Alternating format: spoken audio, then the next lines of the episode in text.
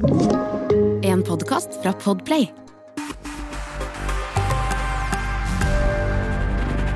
Velkommen til Bli hørt, podkasten som tar for seg det unike med lyd, og hvorfor det bør være en del av mediemiksen. Jeg heter Lise Lillevold og er salgsansvarlig i Bauer Media, og jeg er over snittet interessert i hva lyd kan bidra med for annonsørene. Dagens tema hvordan når vi generasjon Z med innhold i dagens fragmenterte medievirkelighet? Med oss for å snakke om dette har vi med oss Peder Haugfoss, som tidligere har vært senior prosjektmanager i Media City Bergen, og har bakgrunn med å jobbe med yngre målgrupper i NRK. Velkommen, Peder! Tusen hjertelig takk. Du, til å begynne med, hva er det som karakteriserer generasjon Z? Generasjon Z de kjennetegnes ved at eh, de har en eh, ja, veldig desentralisert eh, tradisjon for eh, ulike identiteter, rett og slett. Altså de identifiserer seg med veldig mye forskjellig. Aller først så er det jo greit å nevne at eh, det er mennesker som er født fra midten av 90-tallet til midten av 2010-tallet. Som vil si at eh, jeg, som er født i 1995, er sånn hybrid mellom generasjon eh, millennials og, og Gen Z. Men det er også Altså, de er kjent for å være digitalt innfødte. Generasjon Z er ofte eh, referert til som nettopp dette, fordi de ikke kan huske en tid uten internett eller mobilteknologi, og de er oppvokst i en verden hvor teknologi er en integrert del av livet deres, og de er derfor komfortable med å utforske og bruke masse forskjellige digitale verktøy og tjenester og, og sosiale medier osv. Og, og de er utro. De er utro mot avsendere og hopper mellom plattformer eh, basert på hva de interesserer seg for til enhver tid. Hvis du har lyst til å se Emily in Paris, ja, da søker du på Google Emily in Paris, finner ut at det er Netflix som har det, abonnerer en uke, binger serien, hopper videre til HBO som har neste serie du har lyst til å se på. Og sånn holder de på. Det er liksom all about the eyeballs å trigge de. Men vi ser også at de er på en måte interessert i selvfølgelig mye forskjellig, og har en såkalt uh, altså Vice, uh, Vice Insights. I, i, de har laget en rapport som heter uh, Vice Guide to Culture 2023, og de staterer at generasjon Z de har en desentral, desentralisert, tradisjonell form for identitetsmarkører. og tradisjonelle elementer som identitetsmarkører er ofte kjent for liksom å være alder eh, og, og, kjønn osv. Eh, men det spiller ikke så mye mer rolle lenger. Nå er det mange andre ting, sånn som hobbyer, passion, eh, familie, person, eh, personlighet, eh, hvor moralske koder og verdier som spiller mer, mer rolle. Og man snakker om at uh, neohedonisme er et begrep som også beskriver generasjon Z i stor grad, som betyr Det må du forklare, ja. det går ut på rett og slett at uh, dette her med med pleasure, altså er, er en viktig, viktig liksom grunnlinje eh, i, i livene til folk. Å liksom nyte ting, være happy, ha en godt work-life balance, være fornøyd. Eh, man ser også at generasjon Z er mye mer picky i hva de vil jobbe med. Altså de vil jobbe for et selskap som deler deres verdier, eh, istedenfor som i hvert fall min foreldregenerasjon, har du en jobb med fast inntekt og et godt sted, så kan du godt bli der hele livet. Nei da, folk bytter jo jobber eh, daglig, nesten, i metaforisk beskrivelse. Men eh, men det er jo eh, Det er på en måte en livsnyterhet, samtidig som det er jo også en Hustlerkulturen er noen som mener går ned. Samtidig som det er liksom en selvmotsigelse her, at man både har lyst til å være karrieremessig opp og fram, samtidig som man har lyst til å være en quiet quitter og gå klokka fire, liksom. Så det er, det er mye selvmotsigelser. Det er mye, mye En fragmentert uh, generasjon som lever også et fragmentert eh, liv på kryss og tvers av plattformer. Så er det jo Ja, men folk er, er, liksom eh, opptatt av å være eh, være der hvor folk eh, det kan dele interesser sammen da, om det de er interessert i. Mm. Mye hensyn å ta, med andre ord. Veldig mye hensyn å ta når du skal nå denne I hvert fall hvis du skal nå bredt, så er det veldig mange hensyn å ta. Hvis du skal nå, nå nisje, så det er ikke så mange hensyn å ta. Da kan du gønne på litt. Ja, eh, jeg tenker eh, Du har jo mye sånn dokumentasjon om denne, denne målgruppen, altså generasjon Z. Hvor henter du all denne dokumentasjonen fra, Peder? Jeg jobber, har jo jobbet nå et år for Media City Bergen, og da er vi borti rundt 114 selskaper eh, innen media- og medieteknologibransjen ja. eh, i løpet av året. Eh, er også med i, i, noe som heter eh, Future Media Hubs i Brussel, som er en samling av, av, kringkastere fra hele Europa, hvor vi møtes en gang i måneden og diskuterer de nyeste trender innen Gen Z, hvordan vi når de osv., og, så videre, og samarbeider på prosjekter osv. I tillegg til at jeg er i løpende dialog med, med andre mennesker jeg kjenner som jobber i, i hele verdens medieindustri liksom mot dette, dette, dette, dette, temaet. Så jeg prøver hele tiden å, gjennom nyhetsbrev, gjennom mennesker å snakke med, og hele tiden være oppdatert på, på mye, da. Men det er jo klart, det går ikke an å mappe ut alt, men å prøve å se liksom overordnet, mm. eh, det er viktig. Så jeg har gått i et par key takeaways til anbefalte nyhetsbrev å følge, hvis det er noen som vil ha det også. Ja ja, det, vi, det, det vil vi ha. Det vil vi ha. Men ok, gå over til dagens tema, da. Så hvilke plattformer konsumerer denne generasjonen eh, medier på i dag? La oss uh, Innhold heter det vel. jeg har laget et lite eksempel her. La oss uh, ta for oss uh, to personer. Lisa og Chris. Aha. Begge to de er vokst opp i Oslo, la oss si Majorstua. De har vokst opp som naboer. gått på samme barneskole, gått på samme ungdomsskole, gått på samme videregående. Men la oss se for oss Chris. Han gjør som ni av ti nordmenn, og han bruker YouTube i sitt daglige virke. Han ser på alt fra memes til PewDiePie, som er en stor YouTuber. Han ser på MrBeast, som er verdens største YouTuber. Eh, og han ser på ulike tutorials for hvordan han kan fikse skateboardet sitt, eller hva enn det måtte være. Han gjør som 73 av Gen Z gjør, han bruker TikTok. Han bruker det til å se på oppskrifter for hva han og dama kan lage til middag. Han ser på masse rare compilations og dansevideoer eh, og ting han egentlig ikke trenger å se på, men eh, de bare catcher hans eyeballs, som man sier. It's all about the eyeballs. It's all eh, about the eyeballs. Og så har han et såkalt News Find Me-mindset, som faktisk er ledende eh, mindsettet til, til Gen Z i dag, på måten de får nyheter. Hvilket betyr at nyhetene popper opp i feeden, istedenfor at de drar og søker opp de selv. Og så har vi Lisa, som er da venninna og naboen til Chris. Eh, hun prøvde faktisk, eh, la oss si, at hun, hun prøvde å joine den såkalte log off movement, som er en moment som eh, starta i USA for noen, en tid tilbake, som basically går ut på å kutte ut sosiale medier 100% Hvilket som har ganske stor oppslutning i dag. Folk, generasjon Z, er veldig eh, årvåkne på, på, dette her, og hvordan sosiale medier kan føre til depresjon, eh, dårligere oppmerksomhetsspenn osv. Men hun er eh, også nå, i likhet med 64% av Gen Z eh, her i Norge, eh, fast tilhenger av å bruke Instagram til å følge influensere, fotografer, steder hun vil reise, nyhetsmedier og nærme venner. Hun har gjort som 44% av unge mennesker her i landet har gjort, nemlig sletta Facebook fra telefonene sine, fordi Facebook det er ikke stedet Gen Z henger lenger. Men eh, Snapchat, i likhet med Saudi-Arabia, er eh, Norge det landet eh, hvor folk flest henger på, på, Snapchat, og den bruker hun til å kontinuerlig liksom henge, henge med, med, med, folk. Og så har vi Be Real, som var ganske stort fram til oktober i fjor. Da hadde de faktisk 15 millioner brukere. Nå har de nærmere 6 millioner, i, sist jeg sjekka, det er i mars. Så man kan jo spørre seg om uh, to minutter på sosiale medier er for lite for Gen Z, eller om det handler om å være be real, eller folk faktisk liker å være be fake, da, tenker jeg. det er jo det, Man kan jo lett frame seg gjennom sosiale medier. Så det var en liten gjennomgang til noe wow. av plattformene som Gen Z bruker, bruker, i dag. Det er jo mye mer, og vi ser en økende trend nå til at folk velger å søke til mer nisjeplattformer eh, istedenfor å gå til de store aktørene. Mm. Vi ser at de har lyst til å være sammen med folk, om det er i Discord eller Roblox eller andre, andre plattformer, hvor folk eh, henger med folk som deler eh, nisjeinteresser eh, og passions, da. Gen Z er jo på en måte ikke bare digital natives, men de er også global natives, altså globalt innfødte. Så om du er interessert i, i eh, jazz og norditaliensk geitost, så finner du den gjengen som er interessert i det samme, selv om de bor i Canada eller Sverige eller i Mjøndalen. Ja, ja eller Mjøndalen, ja, nettopp.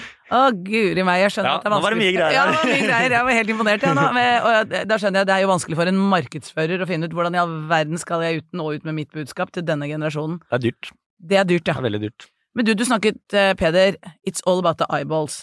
What about the air? Da kommer det meg, vet du. Hvordan, hvordan har liksom utviklinga av lyd påvirket denne målgruppen? Det er eh, det er jo noe man, eh, man, eh, man stiller seg. Altså, jeg har noen numbers fra, fra ting her, men altså podkast og on demand, det er jo klart, det er jo, det er jo ledende. Altså, folk vil høre på ting når det passer dem selv, i sin travle hverdag. Eh, og så er det en myte at Gen Z ikke vil betale for innhold. Det er mange som tror det at ok, de må vi tilby gratis uh, subscription på ting for at de skal komme inn. Ifølge Even Shapiro anbefaler alle som hører på å følge hans nyhetsbrev, fordi han er den smarteste personen jeg vet om til å mappe ut hvordan medieindustrien utvikler seg, og er veldig god spesielt på, på yngre målgrupper mm. eh, og markedsandeler osv. Eh, uansett, det er eh, en myte, altså, at, de ikke vil betale. De betaler gjerne så lenge det er innhold som treffer de og deres interesser. Eh, så jeg tror eh, Nå går det jo litt over liksom på avsendersperspektiv her, men jeg tror det er vanskelig å treffe en bred målgruppe. Det blir vanskeligere og vanskeligere. Å treffe store masser med innhold. Men hvis du snur deg om og har lyst til å treffe nisje-communityer altså, og samfunn, mm. så kan du heller tenke internordisk, intereuropeisk, øh, verdensbasis isteden. Eh, at det er mange som, jeg tror i hvert fall, eh, kommer til å snu skuta med måten de ser på målgruppene sine på, hvilket potensial det har. da. Eh, hvis det gir mening. Nå, det var ett et svar. ja. Eh, ja. Så, så, så, så, hva eh, Hvis vi går Altså, lytterne til denne podkasten, det er jo markedsførerne. Mediebyråene, de som tar disse beslutningene. Hvordan skal vi nå denne målgruppen? Så hva burde annonsørene tenke på når de skal nå denne Gen genset, da? Ikke gjør deg selv out ikke nødvendigvis bruk folk som er kjente for noe annet til å markedsføre dine ting. Altså det at du bruker en influenser som er kjent for å presentere Loreal Paris i sosiale medier.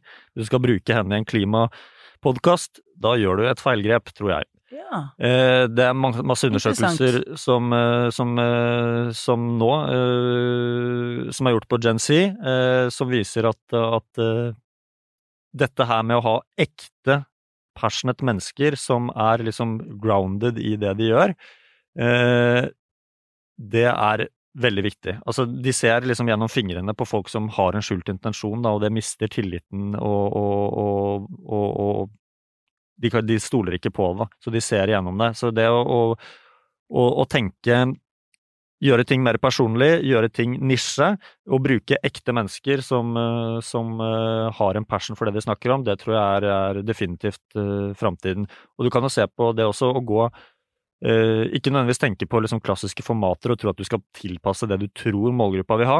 Gjør noe helt annet. Altså dag, CNN, NPR, Washington Post, alle disse mediehusene ligner mye mer på hverandre i dag enn de gjorde for 30 år siden.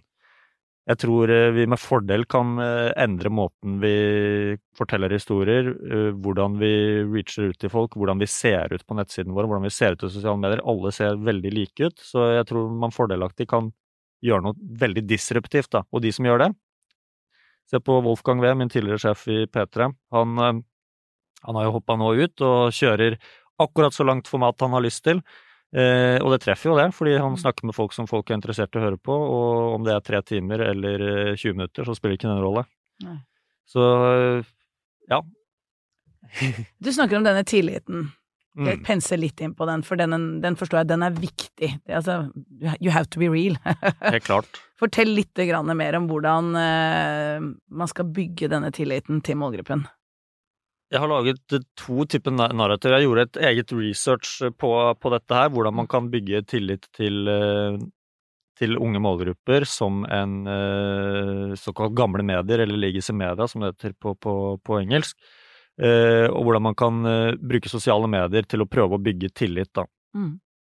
For å forklare så kan jeg bruke to eksempler. Det ene er NRK P3, det andre er VG. Ja. Begge to er gamle Uh, gamle medier, kjente merkevarer, gode på å nå unge. Du har VG med sitt uh, subbrand uh, VGZ, og så har du NRK P3, som jo har en målgruppe som er fra 18 til 29 ish. VG er jo en tabloid nyhetsavis, vært det i mange år, og de har prøvd å på en måte oversette dette uttrykket til måten de forteller historier i sosiale medier. Men de har en såkalt plattformorientert storyteller strategi for hvordan de forteller historier i sosiale medier, så de velger, for å nå ut til målgruppen sin, så har de jo selvfølgelig masse historier fra VG-universet, men de prøver å mappe ut hvilken plattform som egner seg best til å nå den målgruppa. Så la oss si det er en sak om eh, Johanna som dropper å bruke alkohol.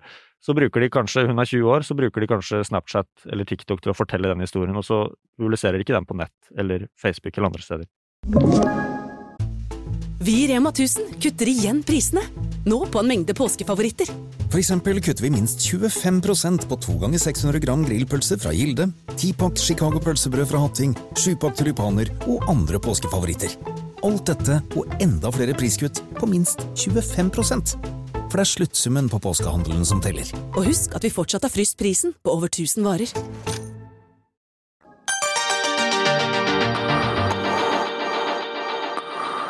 Nå har vi snakka litt om det med tillit til denne målgruppen. Eh, hva gjør det? Klarer da annonsørene, eller eh, klarer da merkevarene å holde på denne målgruppen? Konvertering er jo et, eh, et kjent begrep for å, for å, for å liksom oversette klikk og ting. Eh, men det er liksom i ulike medier. Dette er ikke jeg ekspert på, men jeg vet jo det at det er mange Sånn som fra VG sitt perspektiv, da, som jeg har, har skrevet mye om. Mm. Så er ikke de nødvendigvis opptatt av å få folk inn på nettsiden sin gjennom TikTok. De er heller opptatt av å bygge merkevaresynlighet gjennom disse eh, tredjepartsplattformene, og bygge et forhold til den kommende generasjonen, sånn at de på sikt går hjem til vg.no eller blir en abonnent. Så det er jo en fordel, da, som jeg ser også andre, andre liksom følger, at de bruker disse tredjepartsplattformene for å bare nå ut der med et budskap, med noe fjes, med noe innhold, med noe logoer, med noe Altså disse tingene. Eh, sånn at de på sikt kan eh, konvertere de For det er jo sånn Man skal ikke ta på en selvfølge. Altså attention span, altså oppmerksomhetsspennet til dagens unge mennesker, er veldig mye lavere. Altså det er helt sånn eh, vilt mye lavere enn det var for tre tiår siden, for eksempel. Og man kan jo tenke seg da om liksom svart tekst på hvitt papir, åtte sider etter hverandre, er måten folk konsumerer innhold om 10-15 år. Det er ikke sikkert at, at uh, generasjon alfa, som i dag uh, vokser opp med å henge på internett inne i Roblox og sosialisere med folk inne i et sånt metaverse-aktig landskap, at de har lyst til å sette seg ned og lese papiravisa. Så det å være til stede disse stedene hvor de eh, unge vokser opp i dag, altså det, det, tror jeg er veldig viktig. Mm. leste senest en rapport, eh, husker ikke hvilket land det var, men uh, tallet var høyt. Det var 49 av Gen Z her identifiserer seg mer som seg selv digitalt enn i virkeligheten. Fordi i Metaverse eller eh, andre steder kan man kjøpe liksom skins, du kan kjøpe digital mote, klær og andre identitetsmarkører som gjør deg selv mer til den du har lyst til å være. Da. Så du kan frame deg selv på en mer måte. Eh, så det også er jo å ta i betraktning Her er det mye å tenke på når du skal ut og nå denne målgruppen. Det er det. Men hvilke utfordringer burde man passe seg for når man skal eh, nå dem, da? Hva, hva bør man tenke nøye gjennom? Kortsiktighet versus langsiktighet. Altså, du, okay. Ønsker du som merkevare å nå ut umiddelbart til noen, eller har du lyst til å bygge et, en merkevare folk kan stole på på lang sikt? Eh, som sagt så har jeg jobbet liksom mest med, med, med, gamle medier, kringkastere og den type ting. Eh, men i et studie jeg gjorde i fjor, så konkluderte med at problemet eh, og utfordringen med å bygge tillit, den oppstår når målgrupper ikke ser forskjellen på redaktørstyrt medieinnhold for eksempel, og annet innhold. Så når du ønsker, som man jo gjør når man skal legge ut ting på ulike sosiale medieplattformer, å følge estetiske trender, danser, altså masse greier, masse greier som ser ut på sosiale medier, eh, for å treffe et, en bred målgruppe, så blir du usynlig fordi eh, målgruppa ser på deg som noe annet. Så som sagt, jeg tror eh, Enten så er det sånn du du må ta en nøye vurdering på om du faktisk skal være der ute, eller ikke. Eh, for hvis du vil bygge tillit på lang sikt, så kan det hende det blir Hvis du er en, en, en redaktørstyrt medie som avsender, eh, så kan det være, være, utfordrende, fordi folk ser på deg som noe annet og får ikke et helt til, forhold til deg fordi du er så fragmentert på kryss og tvers av mange, mange plattformer. Men eh, hvis du ønsker å nå bredt ut umiddelbart, og du er en kommersiell aktør, gønn på. Men husk at det koster jo fem ganger så mye som det gjorde når det bare var Instagram du skulle bruke, for eksempel. Fordi du må jo tilpasse innholdet, ikke sant, til, eh, til, mange ulike formater. Så det er dyrt og vanskelig, men eh, du når jo ut. Absolutt. Har du noen eksempler på noen annonsører eller merkevarer som er gode på å nå denne Gen Z? Et bredt svar er på en måte de som jobber med å lage innhold som treffer bredt, på kryss og tvers av mange uh, merkevarer. Jeg ser en trend til at uh, dette her liksom med brand activation, når du har en merkevare, hvordan kan du aktivere det ut i liksom mange ulike områder? De som er gode på merkevarebygging i dag, syns jeg, er folk som klarer å ta det litt tilbake i tid. Altså, forskning viser også at uh, fra Vice Insights, Vice Media Group i London, har gjort en undersøkelse nå hvor eh, de stadfester at uh, nærmere 60 eller 70% av Gen Z ønsker seg til en, tilbake til en tid pre-internett. Eh, hvilket eh, er basert på en eh, tall fra nærmere 40 000 Gen Z over hele verden, mener jeg. uansett, merkevarer som klarer å liksom bygge en fanskare og et community av ekte mennesker som er dypt interessert i et tema, og ta det liksom ut i verden, samler de rundt leirbålet, som jo NRK for eksempel gjorde med Dagsrevyen på 70-tallet, de som klarer å få folk til å være opptatt av ting, og også dele dette her utenfor sosiale medier, og møte opp på, på, på møteplasser. Jeg synes for eksempel i Norge har vi et selskap som heter Also Known As, som er et lite sånn multidisiplinært kreativt studio, de er veldig gode på, på dette her med å liksom bygge både merkevarer digitalt, men også liksom ta det ut og bygge, bygge en fanskare rundt det. Så jeg tror de som, de som, jobber med det, å få ekte, liksom passionate mennesker som er dypt interessert i ting, som klarer å overbevise folk om å, å komme ut og enten kjøpe eller lytte eller se eller hva det ennå måtte være, de, de vil lykkes da. Men jeg tror autentisitet er viktig. altså Det er så mye dritt der ute i feeden Mm. Det er så mye Folk gjennomskuer deg når du prøver å lure folk til å kjøpe ting de ikke har lyst til å ha. Altså, ekte folk som forteller sine ekte interesser, det er det, er den sterkeste ja, brukergenerert innhold, for det er jo et, et annet begrep som er knyttet opp til dette her, men liksom kjempeviktig. Passion og autentisitet. Det syns jeg var en fantastisk slutt på denne, denne podkasten, Peder.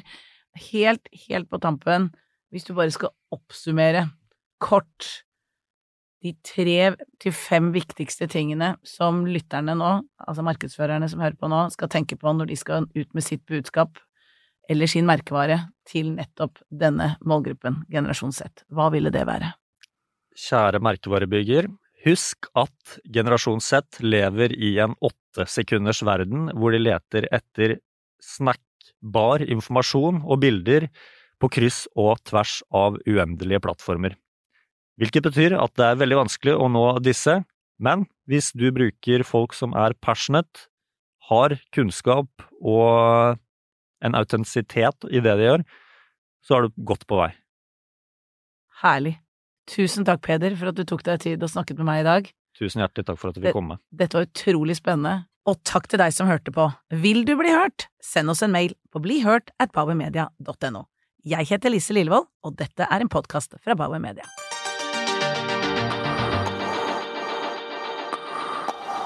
Du har hørt en podkast fra Podplay. En enklere måte å høre podkast på. Last ned appen Podplay, eller se podplay.no.